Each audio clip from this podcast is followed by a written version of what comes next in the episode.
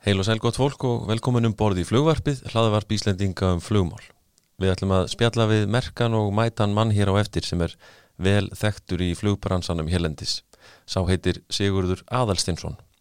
Hann á að baki langan og farsalan feril í fluginu og aðalega hér innanlands og á Grænlandi. Ekki einungis á Sigurður að baki 40 ára feril sem flugmaður, flugstjóri og yfirflugstjóri heldur sindan töluvert flugrekstri líka. Hann er annar tveggja stopnenda austurflugs á eigilstöðum en lengst af var hann framkvæmdastjóri og flugmaður flugfélags Norðurlands eða FN eða frá 1974 og til 1997 þegar FN og innanlandsflug flugleðar unnu saman í eitt félag og til varð flugfélag Íslands. Í kjölfarið á því vann Sigurður áfram fyrir hýði nýja saminnaða félag og gengdi þar stöðu flugrekstrastjóra, flugstjóra og yfirflugstjóra. Ekki missa af áhugaverðu spjalli við Sigurd Aðarstinsson um hans langa og litríka feril í flýjinu hér rétt á eftir.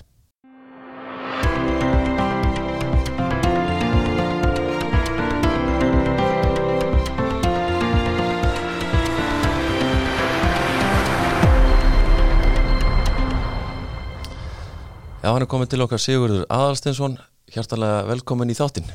Já, þakka að kjærlega fyrir. Þú varst að koma norðan í gær. Jú, jú, jú, jú. Hvernig gekk að keira? Það gekk ljómandi vel. Já, já, með mörgum stoppum. Akkurat.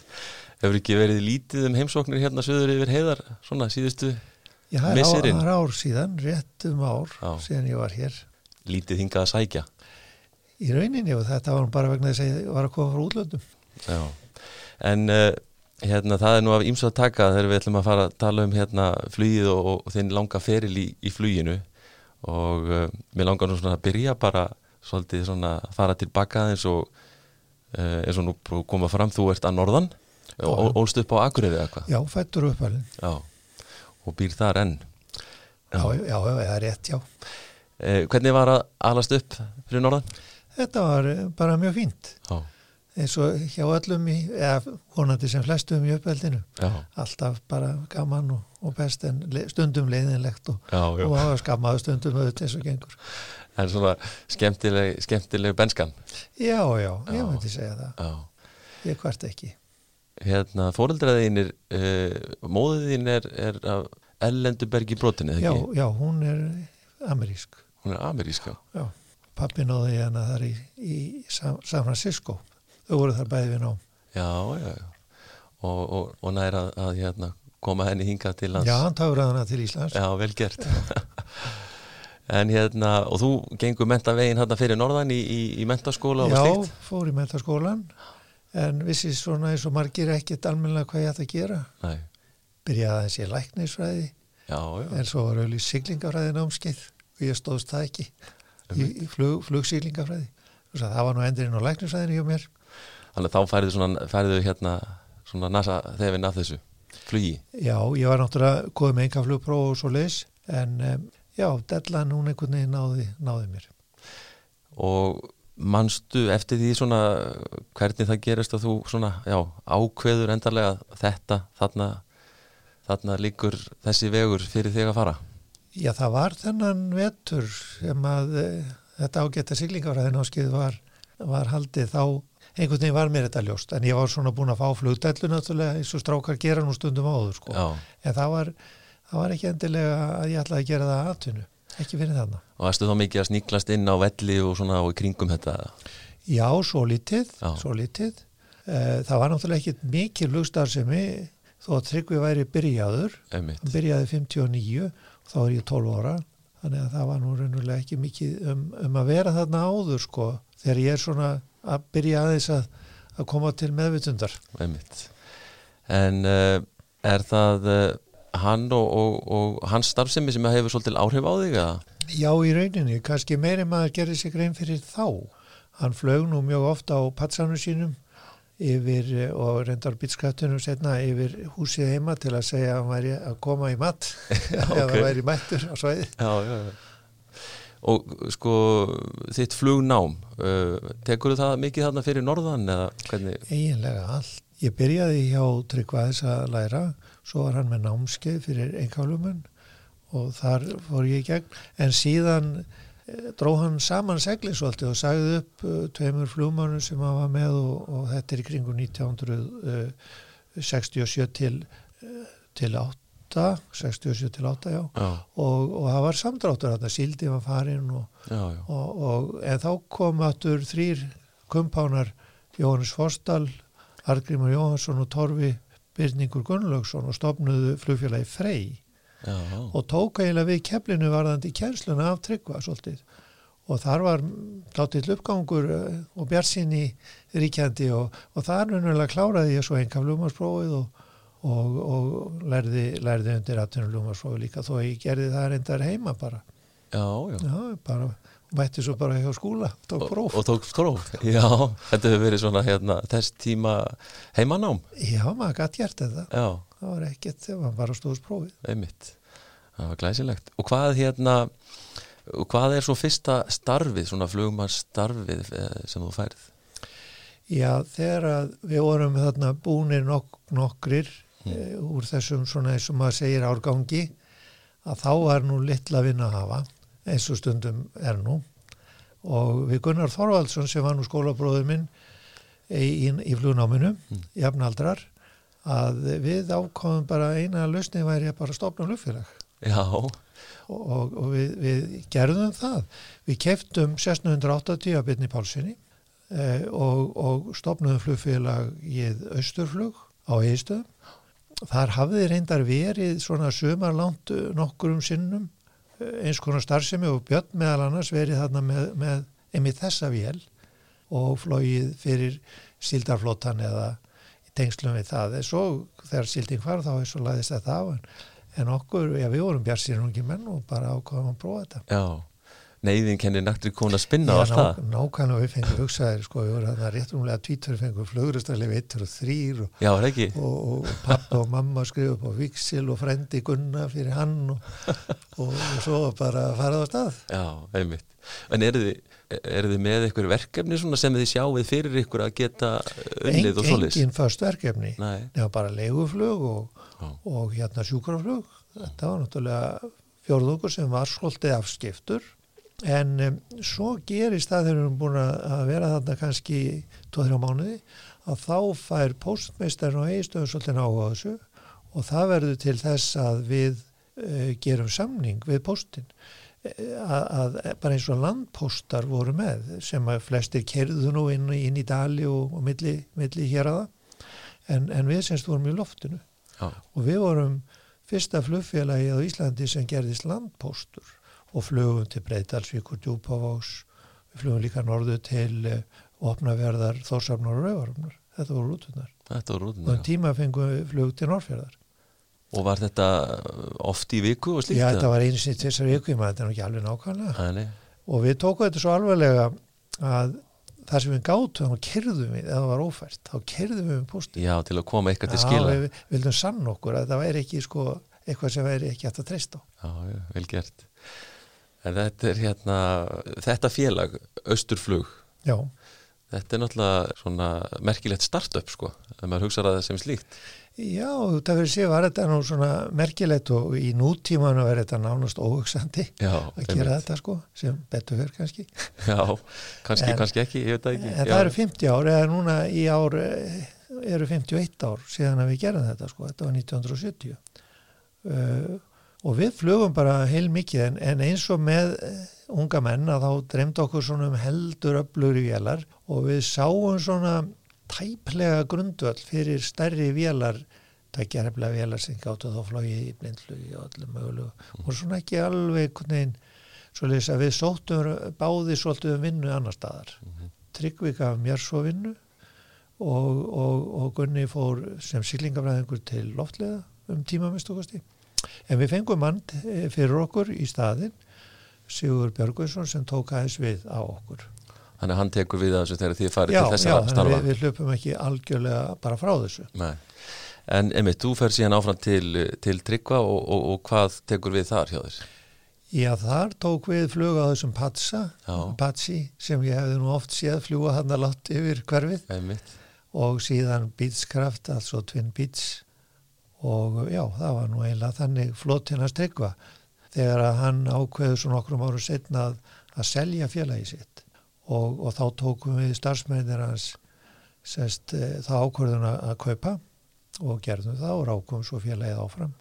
Þá hétt það Norðurflug, ekki satt Já, við keftum uh, Eitthvað. norðurflug Já. tryggva en það var smá ósætti svo ég segi nú eins og er og hann vildi meina hann hefði raunverulega aldrei selt okkur nafnið og það er rétt að þýleiti til að það stóð hvergi að við hefðum keft nafnið en við hins vegar í samlingum stendur við keftum flugfélagi norðurflug Já, já, og við vildum nú ekki deilum það og breytum bara nafnin í februar 75 höfðum keft í 1. november 74 en Já. breytum nafnin í, í flugfélag Norðurlands SF svo koma þetta, kemur Æslandi er inn í þetta, eða flugleðir eins og hérna og þá þarna sama voru, 1. apríl líklega já, strax þarna 75 og þá breytist það í HF Já, einmitt þannig að það var svona smá hræringar í nafngiftinni Var það svolítið áhrifaríkt fyrir þetta nýja félag ykkar að koma því áfram? Að, Já, ég held að við höfum sko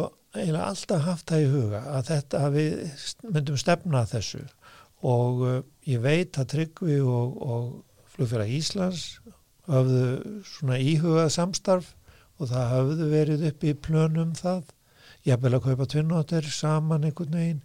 Þannig að hugmyndin var svona búin að gerjast á lítið og flugfélagi flögu þetta milli akkur og Reykjavíkur og okkur fannst eðlilegt að við myndum sjá um flugið þaðan Mm. sem hafði reyndar verið gert sko á DC-3 og kannski einhverjum öðrum vélum enn, á, enn fyrr.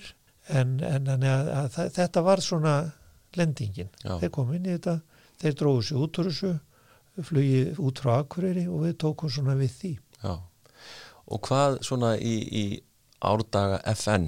Þetta er ansið margir á, ákvöruna staði sem er flóið til og, og heilmikil starfsemi svona og ferða aðeins yfir það, hvað það var? Já, já, til að byrja með voru þetta staðinni sem að, að Norðurflug Tryggva hafði verið að fljúga á Grímsey, Þórsöf, Opnahörður og Póstlugið til Rauvarafnar og Kópaskers líka en um, síðan bættust við Egistær, það bættust við Ísafjörður, við fórum að fljúga á Siglufjörð, flugum nokkur setna Ólafsfjörður Reykjavík og ég man eftir því líka veturinn 75 eftir áramóti 75 það var mjög snjóþungt og þá flugum við með sér áallunum fluga akkur er söðakrókur í nokkra vikur þegar var eiginlega alltaf ófært á milli. halda upp í samgangum bara? Já, já, já, maður er að grípa gæsir það. Já, einmitt.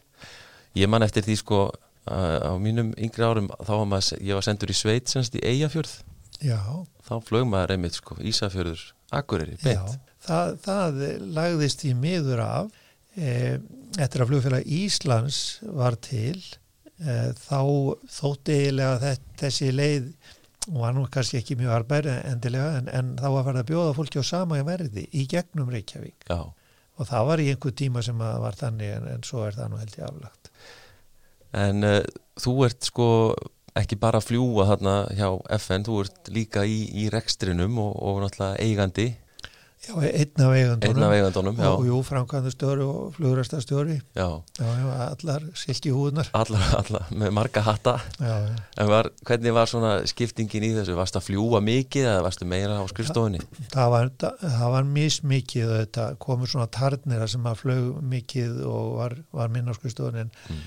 en þetta þróaðist hægt og bítandi í það að maður var meira á skrifstofunni og maður flög uh, í þó nokkuð mörg ár frekar lítið, Mm. bara rétt svona til að halda sér við og þeirra, þeirra á þurfti að halda Og hvernig var með flugvélakostin hjá ykkur þarna svona, Já, þegar við keftum á tryggva þá vorum við með þrjá já, altså nýju, nýju farþega bílskrafta og, uh, og að að pæpirast Aztek en uh, þegar við keftum þá var Apache undaskilin, þannig að hann ætlaði bara eiga hann áfram en við fengum hann ekki, en þetta var flugvélflotin Aztek og, og þrýr bílskraftar svo uh, hættum við nú með bílskraftana keftum í 77-8 þá keftum við hérna tvinnóttir, fyrsta tvinnóttirinn og Apache, nei hérna eh, Chieftain upp úr því. Vorum með tvo Chieftaina lengst af tvo til þrjá tvinnóttira lengst af, þetta var svona Mm. flottun okkar. Já, en um, gerðum svo tilraunin með hraðflegari jafnþýsti búna vélar og fyrsta vélina því tægi var Mitsubishi já. nýju farþega vél sem að var eh, fín eh, eiginlega öllu leitinu og hún bara heldur lítil. Og við seldum hann og keiftum Metro 3 sem að margir kalla rörið. Já, já, og uh, flugfélag Íslands keifti síðan tvær svipaðar vélar, Metro 23 eiginlega alveg eins vél þetta eru svona hraðflegar 19 sæta vélar Mm. og, og bísna arðbærar en um, síðan voru þær nú seldar.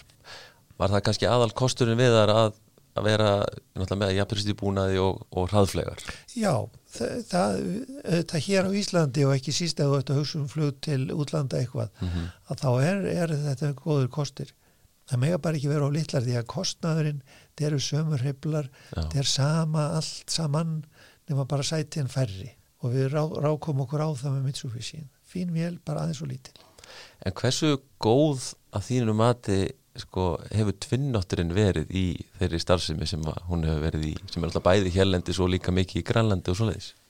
Já, ég man eftir því að Einar Helgason sem að kom frá Æslander og var stjórnaformaður okkar mjög lengi hann sagði í hversin sem vorum að diskutera flugvilar að, að þetta bara væri réði úrslitum hjá flugfélagum flugvila valið og uh, við höfum náttúrulega gert okkar mistök í, tí, gegnum tíðina en, en tvinnótturinn var eina af okkar rétt ákvarðan, Já, engi spurning sem kannski sannast best að því að hann er enn í Já, nótkun. hann er enn í nótkun Já. og enn í framleiðslu Já, Já, einmitt. að byrja að framleiða hann aftur Já, merkilegt, það við síðan. Já, það er eins og að væri byrjað að gamla uh, framlega DC3 aftur. Já. Þannig að þetta er comeback eins og Já, að já, segja. já, einmitt. En uh, þú nefndir hérna áðan einmitt sko þegar að flugleðir kom inn í þetta hérna 97 eða þegar sammenningi verður. já, þegar, þegar altså það sem skeður raunverulega er það að Æsland er átti 31% í flugfélagi Norðurlands. Já, En 97 í februar líklega þá breytast hlutvöllin og þeir egnar 65 og við 35. Þannig, þannig, og, og svo var nafninu breytt. En Nei. þetta er sama kennitalan áfram. og til verður flugfélag Íslands. tilverður flugfélag Íslands sem er auðvitað allt annað félag Mm. heldur en við vorum að reyka það er miklu stærra og allt örum verkefnum svona aðalega sko. Já, en þú veist, þarna náttúrulega flugfélag Norðurlands eins og nafni gefur til kynna bækistöðunar voru svolítið akkureri og þannig að það, það breytist eh, einhverju já, marki eða? Já, sko, höfðustöðunar færðustöðu þetta til Reykjavíkur í raun mm. en eh, Vardarþingi var ákveður áfram. Og ég held að sé það byrða þannig en það sé að þeir, já, já, ég já, var ekki alveg það er gaman að vita það. Já, en gaman. Já, já, og þú ferð að hérna fljúa þarna líka og ferðu beint inn í, í stjórnunarstörf þarna hjá þessu Já, ég var, gerðist flugræstastjóru um hríð en eins og ég sagði nú stundum ég var svona eh, ekki lengur ungum maður uppleðeldur gafalt maður á niðurli ég var framkvæmdastjóri svo var ég flugræstastjóri, svo var ég flugstjóri. Já, já, þetta er, þetta er, en ég var ánæður með hvert skref sem á stíði var í þess átt. En þú veist, yfirflugstjóri líka þarna, ekki sant? Jú, reyndar eh, fó- var ég yfirflugstjóri í restina eða Já. svona ekki, ekki til að byrja með. En það er, jú, jú, það er svona smá hlutverk kannski, voru þetta skemmtileg hlutverk eða hvað var svona og horfir á það, veist, vera yfirflugstjóri og flugrættstjóri, þetta eru eru örglega bæði, svo sem eins og í öllu öðru skemmtileg verkefni og erfið og leiðileg verkefni Já, já, flugstjóra starfið fannst mér skemmtilegast. Mér fannst alltaf skemmtilegast að fljúa. Mér leittist á skrifstofunni fyrir norðan, sko. Bara, það var bara þannig. Já, var hál, hál hérna, ég setti upp mynd sem að mamma málaði neitt af, af hrossagauk á, á hérna, á gerðingastaur og það alltaf tákgrænt fannst mér að það var nefnilega svolítið gattavir í kringum með mikið hrossagaukin. Þetta var ég. já, já. sást sjálfur því þarna í Já, Í já, ég heldur vilja vera bara út af flagur eitthvað. Já, ég get trúið því. En uh, hverjir eru hlutafar í flugfélagi Norðurlands þegar að síðan þetta Það gerist allt voru, það voru þrýr flugverkjar, Skarpiði Magnússon, Níls Gíslason og Jón Karlsson. Og svo vorum við e, þrýr flugmenn, það er Torfi Gunnlaugsson, Jóhannes Forstal og, og ég. Ég var reyndar eini flugmaður sem þá var starfandi hjá, hjá Tryggva. E, Torfi og Jóhannes voru til að gera nýhættir, Jóhannes komið til Æslandir og Torfi orðin flugumfærastjóri. En e, þekktumst allir mjög vel og þekktum reksturinn vel og og, og, reynslan síndi líka að, að það var fengur í, í þessum tveimur sérsagt flugmannust og þó þeir væri ekki beinlinis hefði ekki verið í vinnu þarna þegar kaupið voru gerð og flugurkjarnir auðvitað voru, voru það og eins og við vitum að við fljúum lítið á þeirra Einmitt.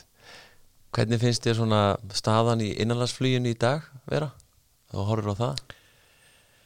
Já, ég veit það ekki alveg sko, það er nú oft hort á það að við fljúum á miklu færri ákvörðunarstað heldur en við gerðum uh, en, en trafíkin er meiri á hvern og einn og það er svolítið verið að samin allir stökum öst fyrir því það verið að fljúa eigistað, þetta er eini staðurinn sem er flóið á fyrir utan þá hotnafjörð en fólk keirir núna með greiðu móti í flestu tilfellum upp á eigistaði þannig að þetta er áraðanlegu vallur og þetta er raunverulega svo framtíð sem maður sá fyrir sér, þetta er allt í lengi.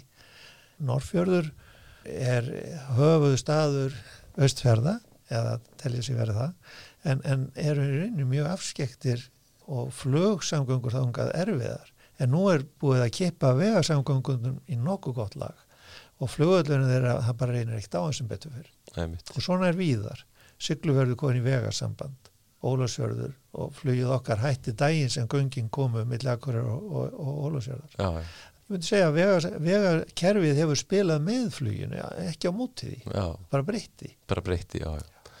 Þetta er eins og menn hafa talað um sko þegar hortið tilbaka til eins og sjönda áratögnum og slikt þá er bara flugið er notað af allt annan máta. Já, það, er, það er meira svona að verða skuttlast með færra fólk á alls konar afskekta staði. Já, já, já, já. Af því að vegarsambandi var já. svo lélegt. Og vestfyrirnir eru auðvitað sérstakt fyrirbæri hver fjörður fyrir sig með sitt veðurlag og, mm. og er ekki alltaf fært. En saman geta þeir svona spilað á þetta á með jargöngum það er alltaf þetta að fljúa eins og við sjáum dýrafjörð hérna Ísafjörð. Já, já, emitt En við erum búin að tala svolítið um tryggva og hérna og þá dettur mér í hug sko sjúkraflugið og, og það allt saman sem að náttúrulega spilaði uh, mikið hluti í, í starfseminni hjá já, honum já. og er það ekki rétt svona hjá mér ef, ef ég lesi þetta rétt að, að Björn Pálsson er svolítið hérna fyrir sunnan en, en tryggvi fyrir norðan hann allavega um skeið eða hvað? Jú, sko Björn Pálsson hann er frumkvöðu sjúkrafljósins, það er engin spurning sem sérstaksverkefnis, Þa, það er ekki nokkuð spurning. En Björn kom auða á það snemma að það þyrti í rauninni að vera líka staðsett sjúkraflug fyrir norðan og hann kvatti til þess. Mm. og fyrsta eiginlega sjúkrafélinas hún var svo gefin eh, aðilum og akkurir eh, Rauðakrossinum og, og Slísavarnadeild Kvenna til ekstrar þegar hann fekk 1680 Já. þetta var alltaf að hans frumkvæði. Sem var Ósterinn þá.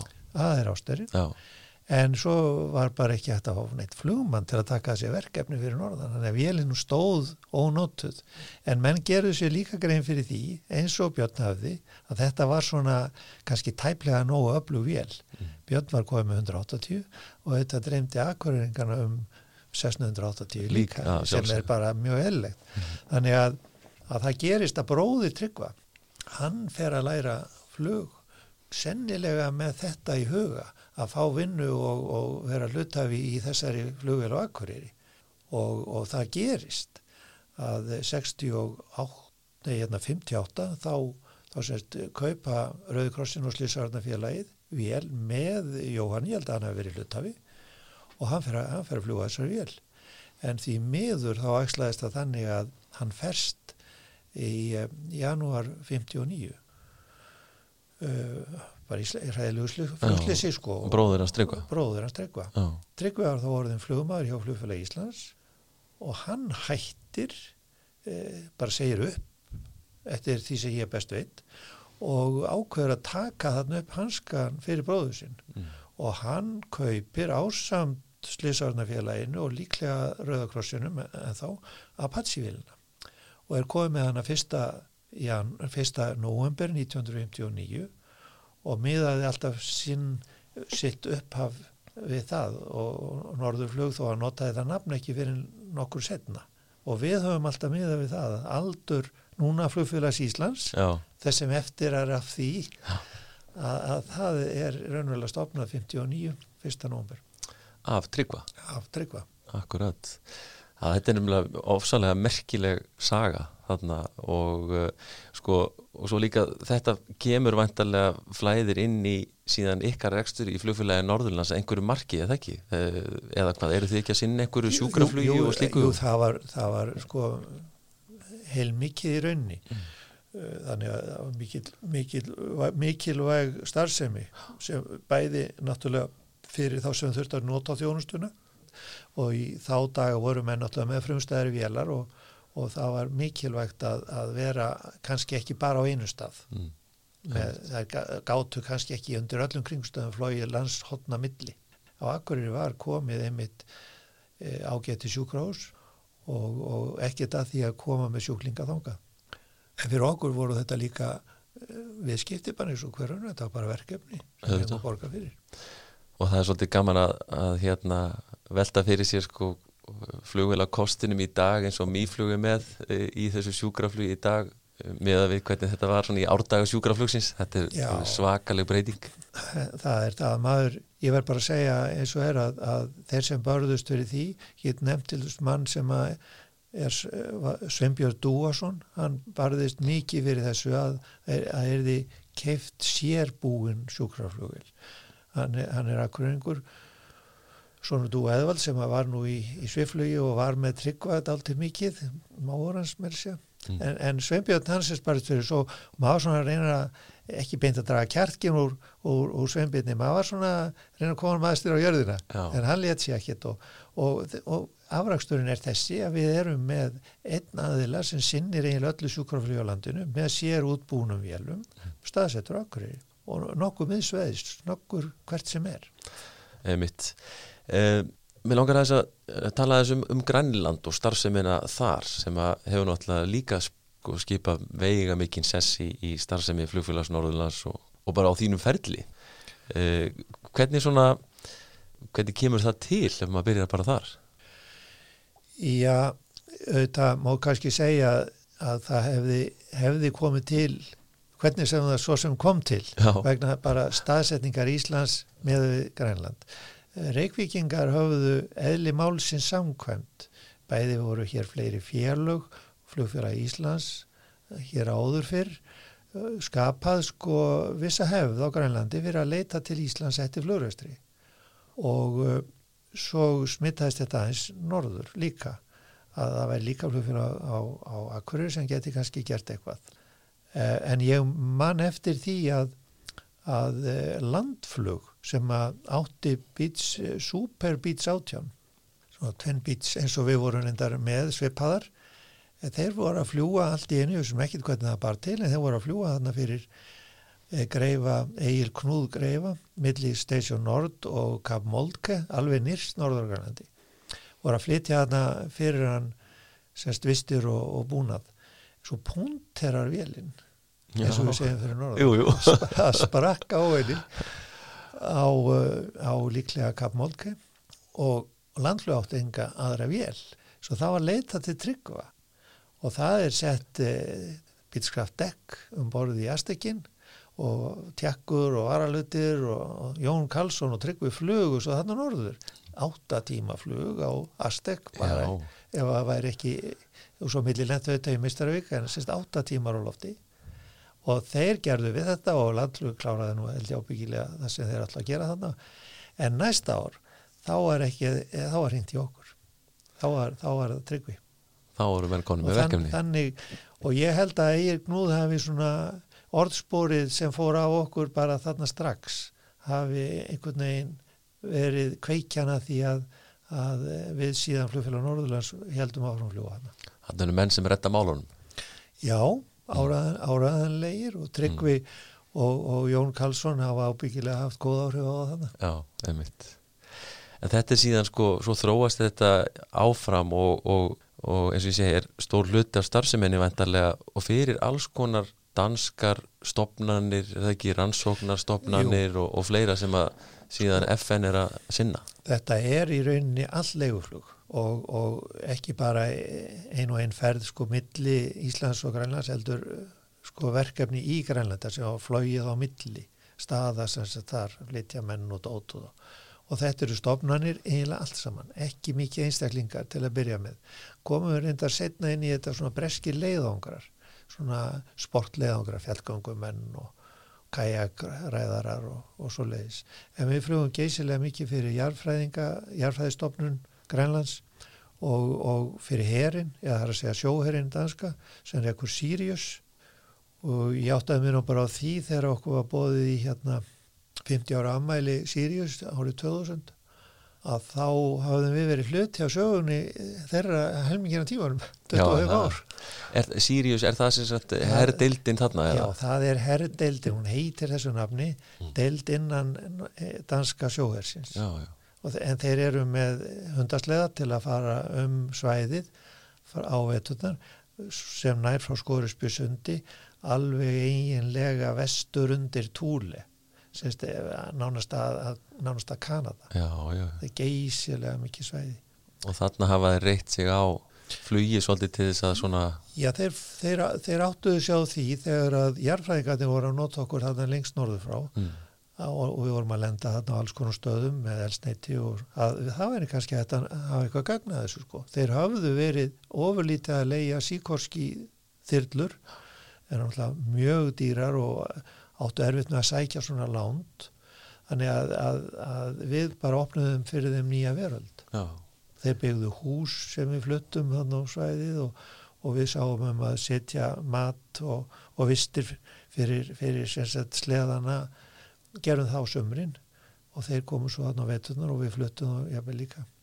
Og þetta er allt eh, meir og meina er það ekki tvinnótturinn sem er að sinna þessu verkefni? Það byrjar á bitsinum fyrir jarfræðingana að þá voru við með um, litla braut uh, og, og fórum þar á bítskraft til, til að þjóna þeim fyrsta sömarið og svo eignuðstu tvinnótturinn og þá þetta, var það miklu heppilir vil, bæði barn og meira og gatt á lend og steytri braut.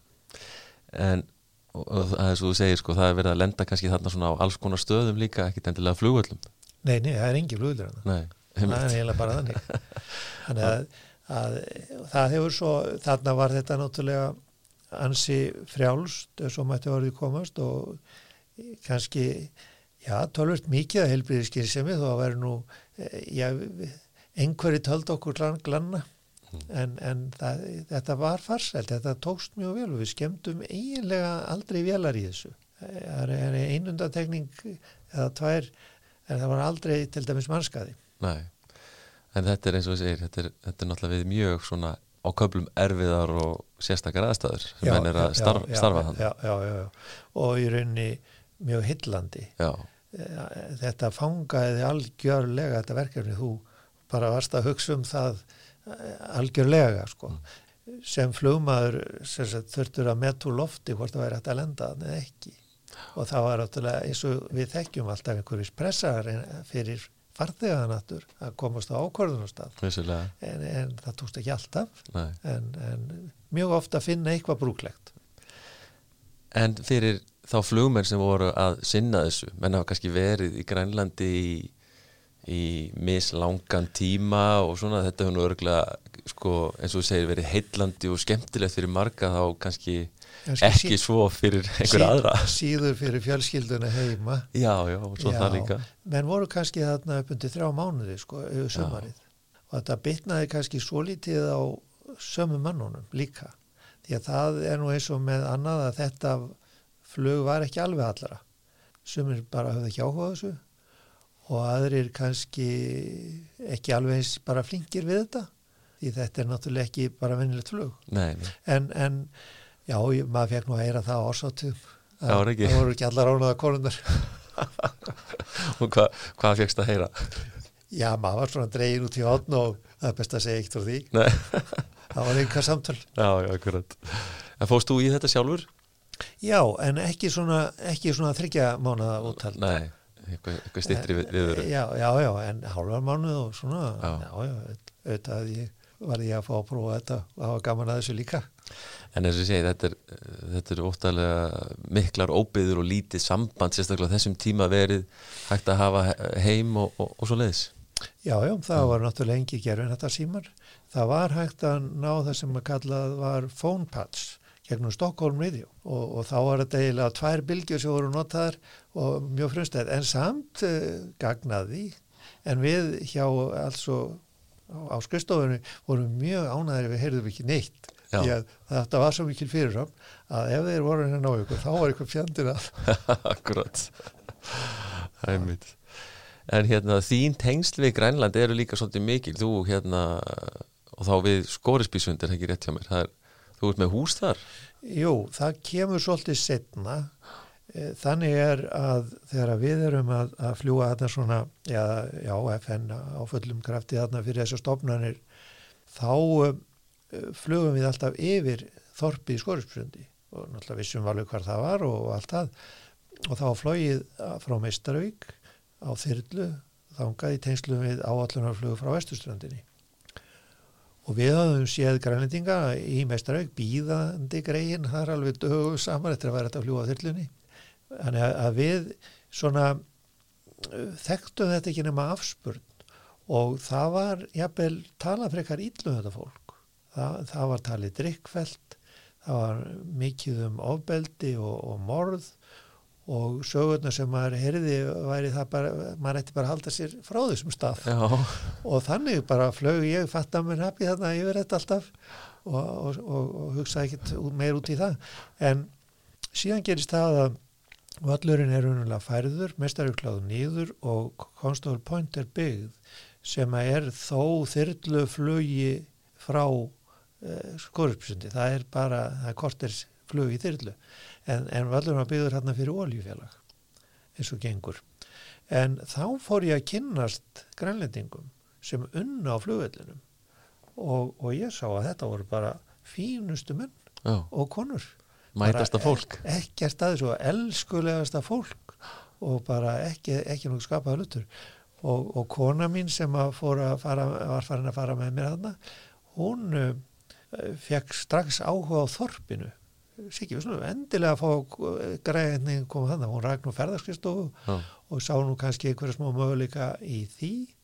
Um, en, en niðurstæðin er svo að við, við semst fór, förum til þorsins og heimsækjum þarna fólk og, og ég var búin að kynnast manni á flugvellinum sem bauð okkur bara í heimsókn og hann á til þess að fínu konu og, og krakka og, og, og þetta er umlega byrjunin á því. Og síðan er það að við erum í einhverju reysu þarna í kringum bæin og, förum út á tópinu af það sem margir gamlir Íslendingar já, já, Þá var ég raunin búið að afleikja það þorp að byggu tær þrjá fjölskyldur þar en eiginlega ekkert annað. Og það endar með því við kaupum bara þarna hús, bara í þessari ferð já, já, og erum búin að eiga það síðan er í einn 30 ár. akkurat Og eh, dvelurðu þarna svona Við höfum farið þarna eh, einu sinni til tvisar ári. mm, alltaf eiginlega orðin stundum þegar líður á sumarið. Nema ekki síðastlið ár Nei. út á COVID. Já, og það verður trúlega ekki heldur núna í ár. Nei. Um, Tækifærin á Grænlandi eru þau en mikil fyrir Íslendinga að þínum mati? Já, ég held að beri nú allum saman um það. Eh, sko flugið er, er eðlilegur hlutur og, og alls ekki nýr þar en það er svo margt annað, alls konar verslun og viðskipti það hefur verið eðlilegt að Danir hafa náttúrulega haft mikið lítök og það er ákveðið svona tregðu lögumál, getum við sagt, líka bara í grænlendingum að þeir hafa semst, átt viðskipti við Dani og, og, og það hefur virkað og þannig að en, en á mörgum áratugum hefur þetta breyst og er, er að breytast. En það er bara eitt sem við þurfum að hafa í huga Íslendingar þegar við þurfum að tala um tækifæri á Grænlandi að, að við þurfum að gæta jafnbræðis. Við mögum ekki bara sko taka og móka allir til okkar, við þurfum í rauninni að hafa þetta begja einmitt Eins og góðu kapitalismi er, Já, einmitt begja hagur. Begja hagur, akkurat, þá er allir sáttir um, Hefur ekki eitthvað tíma komist í hann grappan á þessum langa flugmannsferliðinum? Já, það er nú ekki oft. Nei, Nei, ég er kannski svona hérna lítill glanni. eins og, og sem ég segja, þú voru ekki lent í neinu. Já, nei, já, sennilega einu sinni, þá vorum við torfi að fljúa til færi að fyrir Æslander frá Reykjavík og vorum hérna á Mitsubishi-num, konur í 2000 vett eitthvað við Suðurlandsundirlendinu þegar að við vissum náttúrulega ekki hvað það var en það datt úr sambandi hæðastýris stillirinn eða trimmið, elevator trimmið. Og þetta byrjaði sem uh, mjög fínt, uh, fínt titringur í vilni og við, þetta var svo lítið að við svona horfðum ekki einu sinni hver á annan strax sko. Nei, en það endaði nú með því. Og svo bara jógst þetta tiltölega hægt en öruglega og hann hættir að sjá á mælaborði fyrir resta á smil titringur svo allt í hennu stakst vélinn á endan bara niður, loður rétt. Nei. Púf, og Torfi var flugstörinn, hann var á vinstrasætinu og hann náttúrulega gerði kannski bara það sem að eðlis kvöttin sagði honum að hann tókaði stýrið. Já, og viti menn, það hafði svolítið að segja. Já, og ég fór svo að hjálpa honum við það og við gáttum rétt vélinn úr dífunni það er horfið bara beinir á hellu, ég man ekki hvar við vorum alveg eða kólsöll, já, hvað sér já, nú gott veður sem betur verð sko. Já, en já, með bara miklu afli þá tókst okkur að halda raunverulega réttan á og halda hennar lörtúli og, snýrum við og, og lendum í kjaflaug heilu hodnu en þarna var okkar hefni að stýri skildi eða stillinni skildi festast. Þetta var lítil stöng sem hafði dottu úr sambandi sem tengd var stillinum en, en var ekki lengur fest við það sem að sko styrði raunverulega stillingunni Já. og þannig að hún bara festist í festist í, í einhverju, einhverju rekkverki þarna inn í, mm. inn í hérna hæðastyrinu. Þetta hefði geta farið vel. Já, hún- já, já, þetta er eitt af því sem að vélar hrista skjarnan í sundur. Já, einmitt. En Mitsubishi er mjög sterk vél. Og hún er bara, hún er svo skriðir ekki. Já. og bankar í hana það er bara búm, það er bara eins og, eins og stál. Já, hún er, hún mjög sterkbyggð en, en, en þessi þetta gerði svona, þetta fór svona í sundur. En fór, fór mjög vel og, og við vorum bara hressir. Já all, allir káttir og ettir Allir kátir og eftir. Geng, Gengur frá þessu, það er gott. Nei, nei, annar, annars hefur ekkert en auðvitað veit maður af því að maður hefur stundum ekki átt skilið að vera svona heppin Já, já. Ertu með eitthvað í huga þar? Nei, ekkert sérstakt. Það er bara alls konar heimskuleg mistök sem maður er búin að gera. Já, já. En hérna margir náttúrulega farið í gegn svona líka bara hjá FN og, og þessum félagum sem þú hefur margir, margir starfsfélagarnir og þú búin að nefna hans í mörgn upp líka og allt það er þetta ekki svona horfið tilbaka verið skemmtilegu tími? Það er náttúrulega engin, engin spurning Mm. Ég býst nú reyndar við því að, að mjög margir horfið tilbaka og það eru skemmtilegi tímar Já, já. en, en þetta voru viðböraríkir tímar og, og marguleiti öðruvísi Líka bara flugið á þessum áratugum er að þróast, Þróast, heil mikið og Já. hratt og, og, og góðir félagar bæði, bæði sagt flugmenn og aðri starfsmenn margir, margir flugmannin okkar og, og náttúrulega gó- góðsagnir nánast í lifanda lífi og, og orðnir eins og Bjarki Viðar Hjaltason Jónas Fimboðarsson sem var bara takki dæmi sko. Einmitt. Áttu einhverja svona skemmtilegar sögur af, af svona þessum köllum eða öðrum svona sem að í, í starfseminni sem að væri gaman að deila með Já, ég meina, það kveiknaði nú einhvern tíðan í uh, chieftain hjá, hjá Bjarka. Uh, hann var á leiðinu held ég á Ísafjörð og þetta var yfir Söðokrokki og uh, hann snýri nú við til akkurar og, og það skrúaði náttúrulega slagt á hreflinum og, og, og eldurinn slagnaði og þetta var nú ekkert stór máli en við vitum að eldur laus í flugvel er ekkert grín og í chieftainum var ekki sko slökkvi búnaður.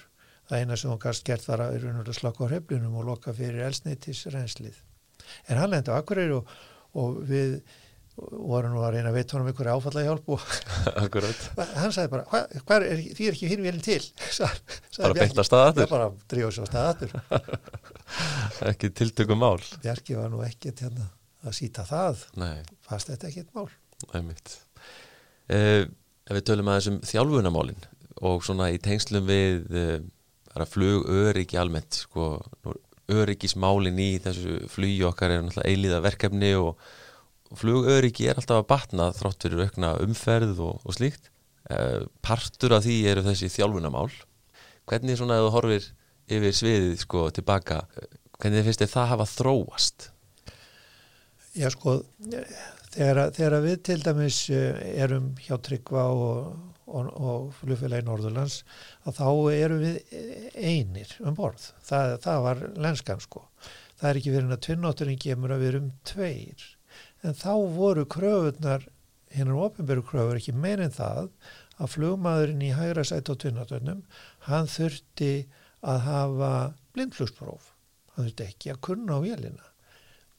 Rökin voru vantanlega þau að hann gæti svona stýrt vélinni til lendingar ef að kem eitthvað fyrir flugstjóran og, og síðan erum við búin að vera tveir í, í flestu flugi og, og mjög fljótlega með réttindi á tvinnóturinn og þannig að þetta er nú orðið aðeins breytt. Ég hugsa að tveir flugmenn hafi ekki sko verið stóra skrefið. Heldur kannski stæsta skrefið er þegar að þeir eru fartir að þjálfa sem áhöfn sem að gerir þá verkum að, að þeir eru þarna tveir í alvöru við stjórn. Það er ekki bara flugstjóri, heldur tveir alveg fullfærir flugmenn sem að jafnvel ræða málinn sín á milli eða ef eitthvað kemur upp á og gera raunverulega ekkert á þess að hinn sé með á nótónum kallum þetta CRM í fluginu. Já, svona þetta samstarf á milli. Þetta samstarf, Já. því að það voru náttúrulega hjá stóru flugfélagunum bæði hér á Íslandi og Erlendis búið að vera tveir flugum en mjög lengi, en það var, það var flugstöri og svo var það sem við kallum á íslensku aðstofaflugur Já, einmitt. Svona bara ef á þurfti sko. Já, einmitt eitthvað fór, eitthvað... En, en nýðustæðan var svo að það var í rauninu bara eitt flugmaður hinn var bara þarna til að lesa teklistan og í rauninni takmarkagagn Þannig að það er svona það sem að Ég held að þetta sé stóra kröð. Stóra, stóra breytingin, já, Já. það er svolítið áhugavert nefnilega. Og svo vendanlega upplifið þú dálítið þróunin líka í þessu að fara til dæmis í flugherma og, og slíkt, er það ekki? Jú, jú, ég er náttúrulega hafði enga reynsla þeim. Nei, fyrir en eitthvað, Já, í, raunulega, í, í raunin ekki, sko, ég lærði aldrei á metróin. nei, En við, eh, FN fór í, í semst flughermi þar. En um, því að hún var talin flókin og, og, og bísna kröfu hörð vél á, til flugmanna. En uh, þegar ég fór að læra fokkarinn þá var það í flughermi og, og maður, það opnaðist náttúrulega fyrir manni alveg hvílíkt tæki þetta er. já, það, er ekki spurning og bæði til að læra á vélina og, og átta sig á flugauðinleikum hennar sérst við vesturskiliði bilaður heifill og allt þetta en líka nefnilega áhafnarsamstarfið einmitt. Ekki hvað síst kannski. Nei. Nei, nei. Þetta er búið að vera gríðarið þróun, mjög merkilegt að upplifa þessa, þessa tíma alla sko. Já, svo er það annað sem að ég hef haft kannski smá áhugjur af en það er, það er ákveðin þróun að eiga sér stað í allir þessari sjálfvirkni fokkerinn var til dæmis fyrir mér bara eins og Airbus Já. eins og maður hefði heyrt af þeim. Já. allt sjálfvirt, maður gerði eiginlega ekkert Aha, prógrameraði eitthvað og, og fylgdi svo með. E, þetta var fannst maður magnað sko og, og þetta var mjög vel hefnuð hönnun. En síðan hefur maður líka bæði heyrt á og upplifað að framfæri til dæmis eins og í eh, jarðvörunum, ground proximity warning og alltaf orðið fullkonar og fullkonari en það er orðið pínulítið flóknara tæki. Bara það er svona eins og að skilja betur hvernig það virkar átta sig jafnvel á því sem að það er reyna að segja manni. Fyrstu slíku tækin voru eiginlega bara svart og hvitt að maður bara hlýtti og var ekki að spá í það. En, en þetta er orðið flóknara og það er svo margt núna í öllu þessum tölvuskjám sem að menn hafa fyrir fram að sig sem að er geysilegar upplýsingar. En það er, það er, það- ég óttast pínlítið að það þurfa enn að þróa þetta en þetta drukn ekki. Þannig að maður fái mikilvæg upplýsingarnar. Þetta er, að, og horfir á svo skjá í dag ég, ég lærði nú á það sko Já, já. að, að, að það er að það er svolítið að, að síja úr. Já, einmitt. Og svo þessi svona, þessi sjálfvirkni væðing öll sem öll sko, hún taki ekki of mikið yfir heldur líka svona, Já, hún þarf að vera, hvað að segja, mann, mann eða mannesku væn. já, já, Og fyrst, það var nú víst vandamálu með erbössana sem voru nú framalí þessu, sko, Mhm. að, að þeir voru eins og tölfur, við áttum að læra tölvunar. Mm Mhm. Tölvunar voru ekki smíðaðar fyrir eða eftir okkar þangagangi. einmitt, einmitt. E, og, og þetta er enn í gangi, sko, þessi prósess. Mhm. Að við erum nú bara Bonobo apar Akkurat, en það er gaman að því hérna og alltaf að segja frá því, ég held nú að við náðum að fljúa örlítið saman á, á, á fokkernum, það fokka 50 passar, það passar. Og það var skemmtilegt. Já, ég naut þess. Já, sama hér. Ég man nefnilega eftir þessum tíma sko þegar að þið, hérna, þið þessi kallar frá FN voru Já. að koma yfir. Já, og hérna og ég var þá nýbyrjaðar þarna og, og þá upplýði ég man ég nokkur svona uh, moment þar sem að menn voru að pota í automatið en gáðu síðan eiginlega bara upp á því. Nefndi þess ekki. Og ég man hvað ég hló stundum upp átt sko þegar menn voru að, að reyna að fljúa eitthvað til dæmis NDB aðflug í gegnum FMS-ið og LNAF já, og svo bara, ah, ég nenni þess ekki. Já. og kúplu út átabróðin og flugu. Þetta er bara eins og maður er búin að gera áratugum saman. Jú, jú. Það er nú, var nú einmitt eh, slagurinn okkar var fyrst og fremst við allt automatið. Já, við höfum jafnvel ekki sjálfstýringu þekktum hann ekkert og það var, það var alltaf í hverju prófi raw data ILS þar sem að menn bara flugu geislana sem sett hjálpar löst og þetta voru, var fyrir kvíðanlegt hjá öllum sko ungumörunum sem komum frá Æslandir fyrir okkur var þetta bara akkur það sem vorum vanir og gerði gerði alla daga. Akkurat en, en, en, en til að sína sko með flugurikið þetta, þetta var bannað að fljúa svona raw data í alvöru. Okkur var bannað nema það væri bara hreinlega heiðskýrt. Já, en, en við áttum að, áttum að nota greiðnar já, Takk fyrir. já, já, akkurat. En svo það maður að kunna það síðan ef allt átomati bilar. já, já, Já, það þarf að æfa það. Einmitt. Já, já, þetta er, er skemmtilegi punktar Það er nú nokkur ár síðan að þú hættir sem atvinnuflugmaður, já, fá einn ár. Fáin ár. Já, 2012 í desember. Já, en hvað finnst þér um þetta sem að ég, ég þreytist nú eiginlega ekki á að ræða eins um þetta 65 ára aldurstakmark. Mér finnst það svona nefnilega í allri umræðin í dag, það er verið að tala alltaf um meira og meira svona sveigjanleg starfslók og slíkt og þetta er náttúrulega ekki annað en aldursmismunum Nei, einmitt. Það er það. En, en auðvitað er þetta eh, svo sem sko í þjóðfélaginu ríkir starfsmenn hætta sjötugir og það var ákveðið einhver tíman að fara svona leiðir til þess að, að sleppa við þetta erfiða mat ég meina líkaminn hefur náttúrulega aðeins látið á sjá og, og oft líka kollurinn það, það getur verið erfitt bæði fyrir það sem gera matið og það sem verða fyrir því Mm. að vera dæmdir óhæfir. Það er miklu léttara fyrir alla að hafa bara ártal. En, en, það, það fylgir því að, að margir mjög hæfir menn sem þetta er ekki nýttir áfram Einmitt, og jafnvel að, að jafnvel þó að lækniskoðanir til þessi fluginu séu nú strangar og allt það en að jafnvel að það sé svona einhver freysting að leifa mannum að klára ferinn getur verið. Hvað með þig sjálfan til dæmis, hefðir þú viljað og treystir til að, Já, fljúa já, aðeins lengur? Ég, ég, það er ennþá hérna naglaförin í kringum dittnar og fokkurnum sem ég var borin út úr. Já, einmitt Já, já, eh, ég hefði verið alveg til í það. En, eh, en svona var þetta bara og, og ég verð hins vegar að segja sko, það er líf eftir döðan. Já, það er líf eftir flugið Já, Já, en hvað, ertu eitthvað í engafluginu og svo leiðis, ertu svona já ég á, á við Jóhannes Forsdal eigum uh, vélina sem hann svona kendi mér aðalega. Það er reyndar fyrsta alvöru sjúkraflugvel Björns Pálssonar. Já, það er ástarinn Það er ástarinn. Já, alveg rétt við, við eigum hana því að við keiftum hann já, þeir, Jóhannes og fleiri keift hann af Tryggva á sínum tíma sem að hafði erft hana eftir bróðu sinn og ég keift hana svo með Jóa og við erum búin að eiga hana í húf, einhver 50 ár síðan. Já, já. Og, og, og notar hann eitthvað? já, já, við ljúum henni alltaf reglulega. Já, já, já, glæsilegt. Og hérna, ef að ekki væri nú heimsfaraldrinum fyrir að- að fara, hvar hérna hvar, hvar væri þú og einhvern búin að vera eða tímanum eða svona skipta þessu milli hér heima á Grænlands og, og eitthvað erlendis já, eitthvað? já, sko hún hefur verið að læra silfursmíði í Flórens. Var enda búin að læra svolítið hérna heima eh, allt sem auðvitað tómstundagaman, hún er ekki að stefnaði að vera guldsmiður en, en enn var hann bísna flink. En, en við erum búin að vera þrjá vetrarparta í, í Flórens og flúðum í rauninni þaðan í mars í fyrra. Já, já, þegar allt byrjaði. Þegar, að- þegar að já á landamærunum til Slóvinju sem hún, sem hún er var, var eiginlega verið að loka. Og við hendum all út í bíl og, og stökkum.